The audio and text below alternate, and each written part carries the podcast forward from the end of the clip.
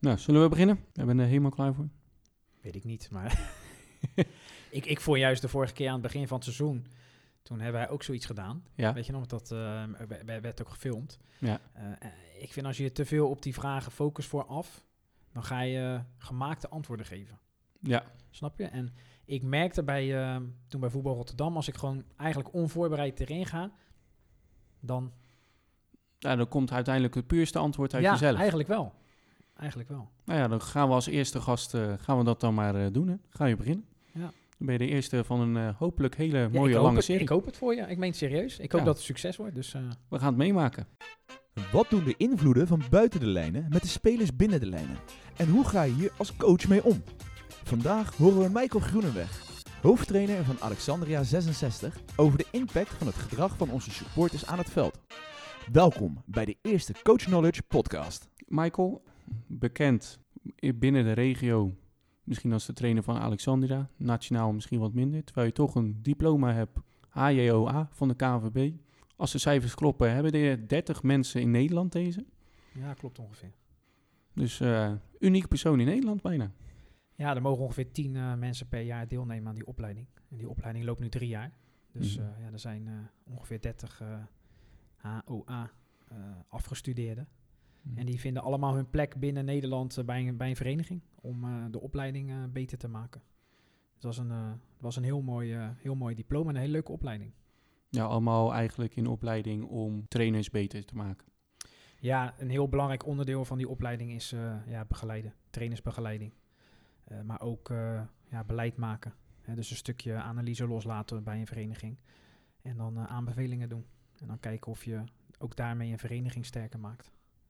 Dus dat zit er ook nog in. Dus het is niet alleen maar trainersbegeleiding. Eh, want je wil eigenlijk indirect spelers beïnvloeden, maar dat doe je dan via de trainer. Ja. Eh, maar daarnaast wil je ook nog een stukje invloed hebben op het beleid van de vereniging. Nou ja, le- lijkt me een hele interessante opleiding die fantastisch past bij het onderwerp van deze podcast. Onze standaard openingsvraag voor alle gasten zal worden, want het is natuurlijk de eerste keer dat jij hem eh, gaat krijgen, is wat is eigenlijk coaching voor jou? Ja, ik heb natuurlijk nagedacht ook over, dat, ja, over die vraag. Mhm. En voor mij is, is coachen is, eh, beïnvloeden. En eh, beïnvloeden is, eh, ja, kan eigenlijk direct. Hè? Dus je gaat met een trainer zitten. En je gaat gewoon kijken, hey, wat voor gedrag heb jij laten zien? En dan ga je over in gesprek. En daarin hoop je ook dat de trainer zelf daar ook, ook een goed beeld bij heeft. En dan probeer je eigenlijk te sturen. En, maar je hebt ook indirect, wat ik net al aangaf. Hè, dus je probeert een speler te, ja, te beïnvloeden. En dat ga je dan via de trainer doen. Hè? Dus als je een trainer beter maakt, maak je ook de speler beter. Eh, hè, dus je hebt ook eh, ja, wat dat betreft eh, verschillende vormen van coaching en verschillende vormen van begeleiden en beïnvloeden. Dus voor mij is in grote lijnen coaching is, ja, is het beïnvloeden van ja, trainers, spelers, mensen binnen de club, mensen langs de lijn. Ja, dus dat kan allemaal via coaching. Nou ja, dat laatste sluit natuurlijk heel goed aan op ons onderwerp van vandaag. Goed dat je als gast ook gelijk het bruggetje aanvoelt. Hoe ga je als trainer-coach zo goed mogelijk om met personen, supporters rondom je team of sporter? We hebben natuurlijk ook luisteraars die eigenlijk alleen een sporter begeleiden. Nou ja, heel veel zou je er ook mee te maken hebben als team. Ik ben trainer van een eerste elftal. Dus wat zijn nou eigenlijk eh, de belangrijkste communicatielijnen binnen een vereniging als trainer-coach? Ja, in, eh, in 2020 praat je natuurlijk eh, onder andere over social media. Een, een, een eigen Instagram-pagina, een eigen Facebook-pagina. Maar je hebt ook eh, WhatsApp. Tegenwoordig heb je die groepen. Ja. Eh, ja, ik ben zelf grootgebracht met gewoon ouderwets eh, iemand aanspreken of, of een bijeenkomst organiseren. Dus je hebt heel veel verschillende mogelijkheden om, ja, om ouders en supporters te bereiken tegenwoordig. Ja, het nadeel eventueel is dat mensen het ook anoniem kunnen doen. Hè, op social media kan je anoniem ja, ja, berichten plaatsen, dus dan kunnen ze ook da- daardoor invloed hebben. Maar ja, de communicatielijnen zijn zo groot tegenwoordig. Eh, e-mail heb ik ook gemist. Eh, telefoon, dus gewoon bellen. Eh, ja, daar waren we vroeger van. Maar tegenwoordig heb je zoveel keuzes en zoveel mogelijkheden. Ja, die kan je gewoon uitkiezen eigenlijk. Ja, de wereld is daarin natuurlijk heel veel veranderd. Het wordt steeds sneller. We hebben nu vooral over middelen gehad. Dan gaan we nu kijken naar de personen. En ja, dan kunnen we een grote tweedeling maken. Jeugd en senioren. Je hebt allebei gedaan. Als je dan kijkt naar de jeugd en vooral met ouders. Hoe, eh, ja, wat voor invloed hebben ze op hun kinderen en hoe ga je daar eigenlijk mee om? Ja, je zal heel veel contact moeten hebben met, eh, met ouders. Eh, ja, die kinderen zie je twee of drie keer per week bij de vereniging. Eigenlijk maar een uurtje. Op sommige momenten train je misschien anderhalf uur, maar ook meer is het niet. Dus dat betekent dat ze 23 uur per dag onder begeleiding staan van een ouder. En dat net dat ene uurtje, ja, wil jij wel het verschil maken. Dus ik denk dat de invloed van ouders, vooral bij de lagere en jongere jeugd, dat die heel belangrijk is. Uh, dus dan heb je het ook weer over wat ik, ja, wat ik net zei bij coaching. Hè, dan moet je indirect gaan, uh, indirect gaan beïnvloeden. Dus je probeert het kind te bereiken via de ouder. Dus dat betekent als jij informatie meegeeft aan een kind, uh, ja, moet je dat misschien ook wel delen met de ouders. Dus als jij zegt van, nou, dit zijn de teamafspraken die we hebben. Als je dat ook deelt met een ouder, of met de ouders, of met de begeleiders, dan, dan weten ze ook ja, welke richting jij op wil. Dus, dus vooral dat, ja, wat ik net zei, dat indirecte beïnvloeden vind ik daar heel, heel belangrijk in. En dus neem ouders mee in je verhaal. Neem ouders mee in wat je allemaal van plan bent. Wat de, wat de vereniging van plan is. Wat de vereniging van ouders verwacht. Uh, ja, want ze komen eigenlijk met hun kind inschrijven en verwachten dat de club alles regelt. Ja, oké. En als we nou naar concrete voorbeelden gaan. Als je kijkt in het verleden, je hebt natuurlijk uh, onder 17 jeugd gedaan. Je bent ook uh, technisch coördinator van de selecties geweest. Uh, noem eens voorbeelden waarbij ouders overmatig invloed hadden op hun kind. Nou ja, vooral bij de onderbouw is, dat, is die invloed heel groot. Kinderen zijn nog maximaal afhankelijk van de ouders. Uh, ja, ze zijn afhankelijk wanneer de ouder van huis vertrekt, hè, of ze op tijd komen. Uh, maar ouders houden ook bij hoe lang ze spelen, bijvoorbeeld. ben je eerlijk met wisselen? Ehm, ja, ouders melden hun kind ziek, terwijl ze misschien niet ziek zijn. dus daar is de invloed wel heel groot. Um, en, en, en, ouders zijn ook heel kritisch naar hun kind vaak. Hè? Dus als jij bepaalde afspraken hebt gemaakt voor een wedstrijd. Van hé, hey, we gaan het zo doen. En je verliest met twee normaal, ze hebben wel goed gespeeld. Dan, dan kan het zo zijn dat jij als trainer in de kleedkamer zegt: mannen of vrouwen, hartstikke goed gedaan. Terwijl zo'n ouder dan uh, zegt uh, tien minuten later: van ja, dat was helemaal niks vandaag. Hè, dus zeker in die onderbouw is de invloed van ouders heel groot. Uh, en ja, ben je als trainer ook afhankelijk van hoe zij dat organiseren thuis. Ja, dus uiteindelijk heeft het ook echt heel veel invloed op het mentale gestel van een speler. Ja, zeker. Dat en ook op het spel. Ja, en als je, als je dan bijvoorbeeld kijkt in de bovenbouw, vanaf onder de 17 of onder de 18 in het voetbal, ja, dan zie je al minder ouders langs de zijlijn staan. Ouders komen niet eens meer kijken bij een wedstrijd. Hè? En uh, dus ja, de invloed wordt daar al minder. Ja, oké. Dus om even te kijken naar een speler van, nou, nemen we even onder 15, onder 16. Fanatieke ouder. Ja, binnen de vereniging hebben wij natuurlijk ook het niveau dat er ook wel eens een spanningsveld zit van kan ik naar een BVO, ja of nee. Dus die willen heel graag hoger op worden ook vaak gepusht. Wat zou jij adviseren om met zo'n ouder te doen die echt zijn kind overmatig pusht? Waarbij ik bijvoorbeeld ook wel eens een speler heb gehad, uh, die bij elke paas eigenlijk naar de zijlijn kijkt, naar zijn vader van, was deze bal goed? Ja, belangrijk is om, uh, om met zulke mensen gewoon even in gesprek te gaan. En gewoon uitleggen wat het met zo'n kind doet. Als die heel erg gepusht wordt, als er heel veel druk is vanuit huis. En als jij als trainer bepaalde dingen meegeeft tijdens een, uh, een trainingsweek, tactisch of technisch of mentaal en dat hij dan thuis hele andere dingen hoort, wat dat met een kind kan doen. Voetbal is toch een, uit, een uitlaatklep voor de jongens. Ze kijken er eigenlijk heel de week naar uit. Volgens mij zouden ze nog eerder weggaan van school ook als het, uh, als het nodig is. Dat doen ze gerust, want ja, voetbal is alles voor hun. Hè. Ze zien voetbal ook als hun toekomst. Ze willen er, al, ja, ze willen er alles in geven, wat dat betreft. Dus uh, ja, heel belangrijk is om met dat soort ouders in gesprek te gaan. En dat kan gewoon op een hele positieve manier. Dus uh, ouders moeten het niet als een, als een negatief iets zien. Maar breng het positief Maak er een mooi verhaal van. En laat vooral uh, merken wat het met zo'n kind kan uh, doen. Ja, zoom daar eens op in. Wat doet het met een kind? Ja, wat ik dus net al zei, hè, als zo'n kind verschillende uh, aspecten van sport meekrijgt in een week, dan, dan kan, kunnen zaken onduidelijk worden. Hè, dus ja, jongens, we gaan het vandaag zo, zo doen. we gaan linksaf, maar als zo'n vader zegt we gaan rechtsaf, dan gaat zo'n kind toch twijfelen. Ga ik naar mijn ouder luisteren of ga ik naar de trainer luisteren? Hè, en dat maakt het toch heel erg lastig. Uh, dus daarvoor zeg ik van ja, neem, neem ouders mee in je verhaal. Hè, dan kunnen ze eigenlijk uh, ja, een soort van verlengstuk worden van jou. En uh, dat is voor een kind ook heel fijn. Dan is het allemaal heel stabiel. En ja, dus dat is heel belangrijk. Dat je ja, ze meeneemt dat, in je verhaal. Als ik het eigenlijk goed hoor, wat jij net uitlegt, is dat ze uiteindelijk dan moeten gaan kiezen of voor de trainer of voor de ouders. Ja, op sommige mo momenten voelt een kind dat wel zo. En als zo'n ouder langs de kant zegt, omdat ze 1-0 achter staan. Uh, druk zetten, jongens, uh, doorlopen. Of je doet het niet goed. Of geef hem voor. Of ja, dan, is dat wel wat anders dan dat jij misschien hebt afgesproken. En dan spreek jij hem aan in de rust. Van dat, dat heb jij niet goed gedaan. Ja, maar ja, mijn vader of mijn moeder die zegt dat ik dat moet, moet doen. Ja, ga als kind op die leeftijd maar bepalen naar wie je luistert.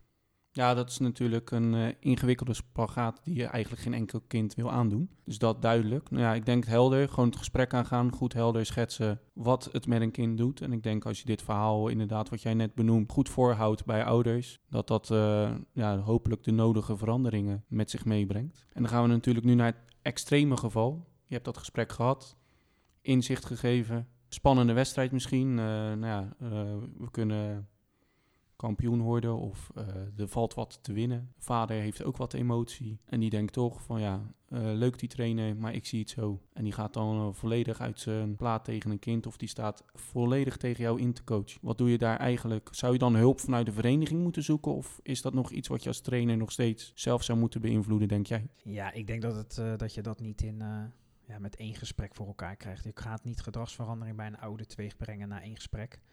Dus daar, daar zijn meerdere uh, activiteiten voor nodig. En uh, ja, je zal als trainer op dat moment moeten inschatten of jij op dat moment nog invloed kan hebben. Of dat je zegt van nee, ik vraag eens aan een, een hoofdopleiding of een bestuurslid of misschien wel een andere ouder. Dat zou ook kunnen. Hè. Je kan ook natuurlijk ook ouders hè, elkaar laten coachen wat dat betreft. Hè, door uh, ja, een goede, goed voorbeeld te geven. Dat is denk ik wel een leuke tip inderdaad. Ja, hè, dus dan kan je het gesprek aangaan bijvoorbeeld met meerdere ouders van hey, dit uh, zien, wij, uh, zien wij aan de zijkant. Ja, wat vinden jullie daar nou zelf van? Hè, dus laat ze daar gewoon maar eens over praten met elkaar. En dan zie je op zulke momenten dat ouders elkaar ook beïnvloeden. En dat is, dat is hartstikke leuk om te zien. En vaak is dat nog een heel positief gesprek ook. Dus ik zou eigenlijk ook als tip inderdaad willen geven aan, aan, aan alle trainers, organiseer zoiets.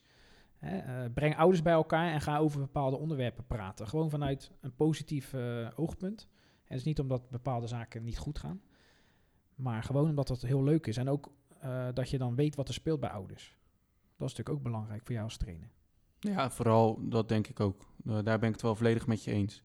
Denk jij bij jezelf, die Mark, die heeft leuke onderwerpen. Maar wat mij bezighoudt is nog niet besproken. Laat ons weten wat jij graag wil horen. Via onze website of op Instagram. Nu verder met de Coach Knowledge Podcast. Ja, dan gaan we naar je huidige rol. Eerste elftal, senioren. Ja, daar heb je, wat je net duidelijk aangaf, daar heb je natuurlijk ouders die misschien wat meer betrokken zijn bij een vereniging. Ouders die uh, een hele andere rol hebben. Daar gaan we ook natuurlijk andere partijen krijgen. Zoals misschien elke vereniging heeft hier altijd wel uh, de wijze opa, die zijn mening heeft over een senioren elftal. Supporters langs de lijn, vrienden, kennissen die komen kijken, die ook steeds meer invloed gaan hebben op spelers. Omdat ja, in, natuurlijk in het sociaal netwerk van een speler er heel veel wordt gesproken. Misschien ook heel veel wordt geoordeeld. Ja, en daar zal jij uiteindelijk als trainer denk ik ook iets mee moeten, of niet? Ja, ik denk dat je bij senior wel minder invloed hebt dan bij, uh, dan bij jeugd, wat dat betreft. Dan uh, ja, zijn de spelers niet meer afhankelijk van hun ouders. Ze zijn gewoon zelf verantwoordelijk. Ze zijn 18 plus. Hè, dus uh, ja, je probeert vooral veel, veel coachmomenten en invloed uit uit te oefenen op de jongens zelf. en ja, ik denk dat uh, wat dat betreft uh, de rol van mij als trainer richting ouders langs de lijn, dat het wel minder is hoor. Dat die rol al wat meer bij een bestuur ligt. Uh, of bij een technische commissie, of bij een norm- en waardecommissie, of ja, er zijn verschillende commissies en besturen nou, mogelijk nu, binnen een club. Ja, en als we dan echt gaan inzoomen naar wat doen uh, die vrienden van hem, die je eigenlijk vinden... Nou ja, je ziet het nog wel eens, uh, je hebt in het voetbal misschien bij buitenspelers het geval, in basketbal iemand die uh, de mooie dribbel heeft, in hockey die misschien de mooie actie heeft. En vrienden die eigenlijk komen kijken om ja, hun vriend die ene actie te zien maken. Ja, dat doet ook iets met die speler. Misschien kan jij niet iets met die vrienden doen, maar zou jij dan ook met die speler misschien meer het gesprek aangaan van joh, dit is mijn plan of ik zie dit en dit gebeuren. Spreek je hem daarop aan? Jawel, jawel. Kijk, uh, je staat uh, met elkaar op het veld door de weeks. En uh, ja, op het moment dat, dat een training start, dan kan je zo'n speler even bij je roepen. En dan kan je gewoon aan zo'n speler vragen, ja, wat doet dat met jou? Geeft het jou energie?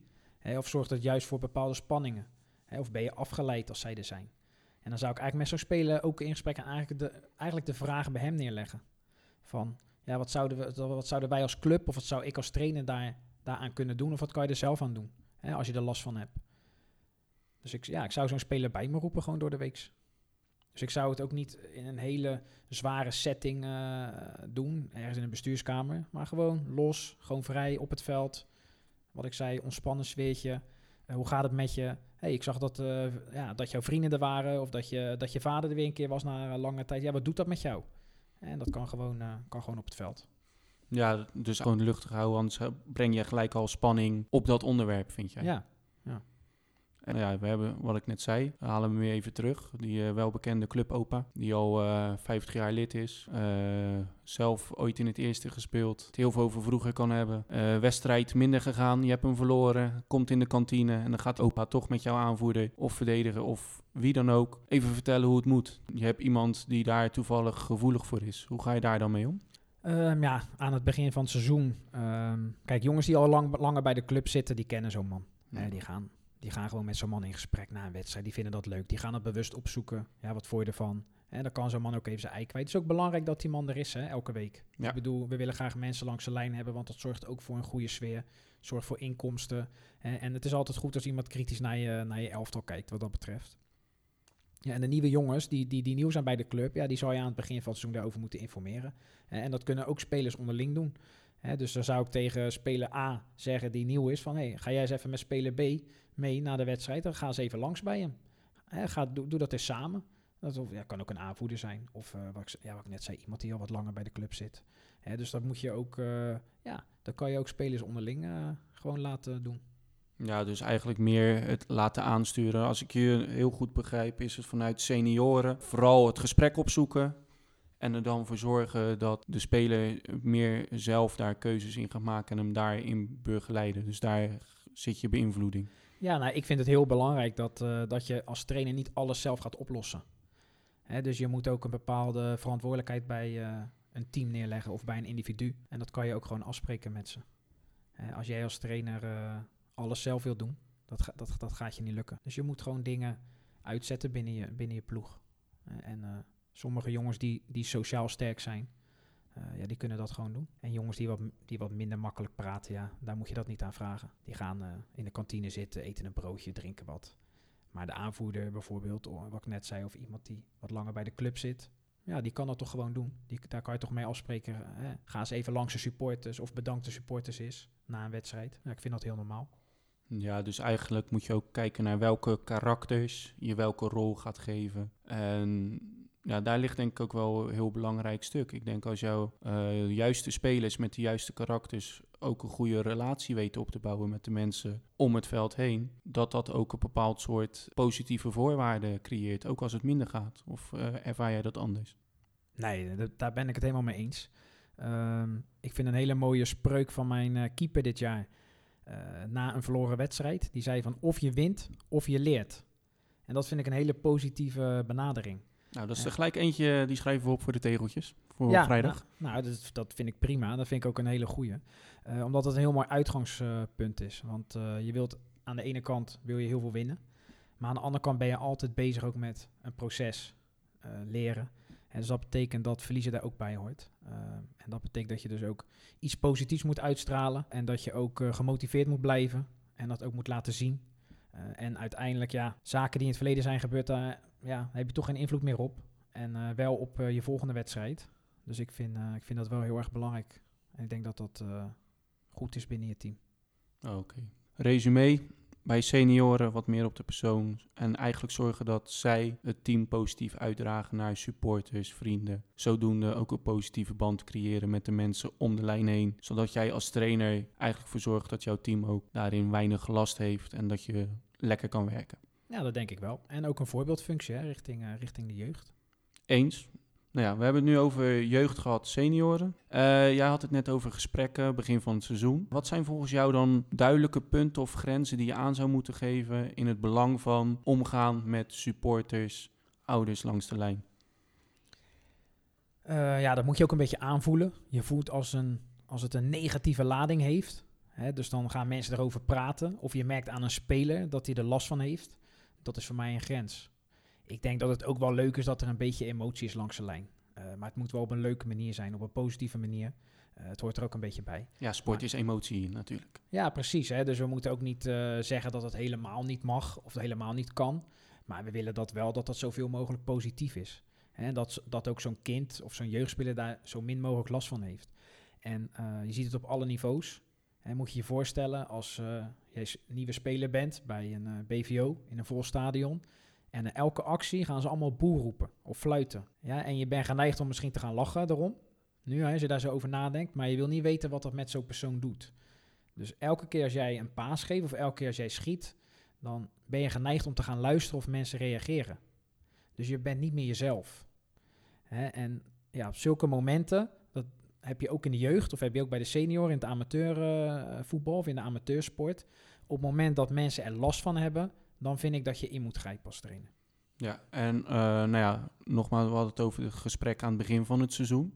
Nou, dat heb je in jeugd en senioren. En wat zeg je nou in dat gesprek? Want we geven nu waar ligt de grens als er een incident is. Maar waar, ligt jouw, waar liggen de nou, normale kaders, vind jij, aan het begin van het seizoen? Als je zo'n gesprek aangaat met ouders, als je een, selectie hebt binnen de senioren, dat je gaat zeggen: jongens, dit is het begin van het seizoen. En zo gaan we met onze supporters en ouders om.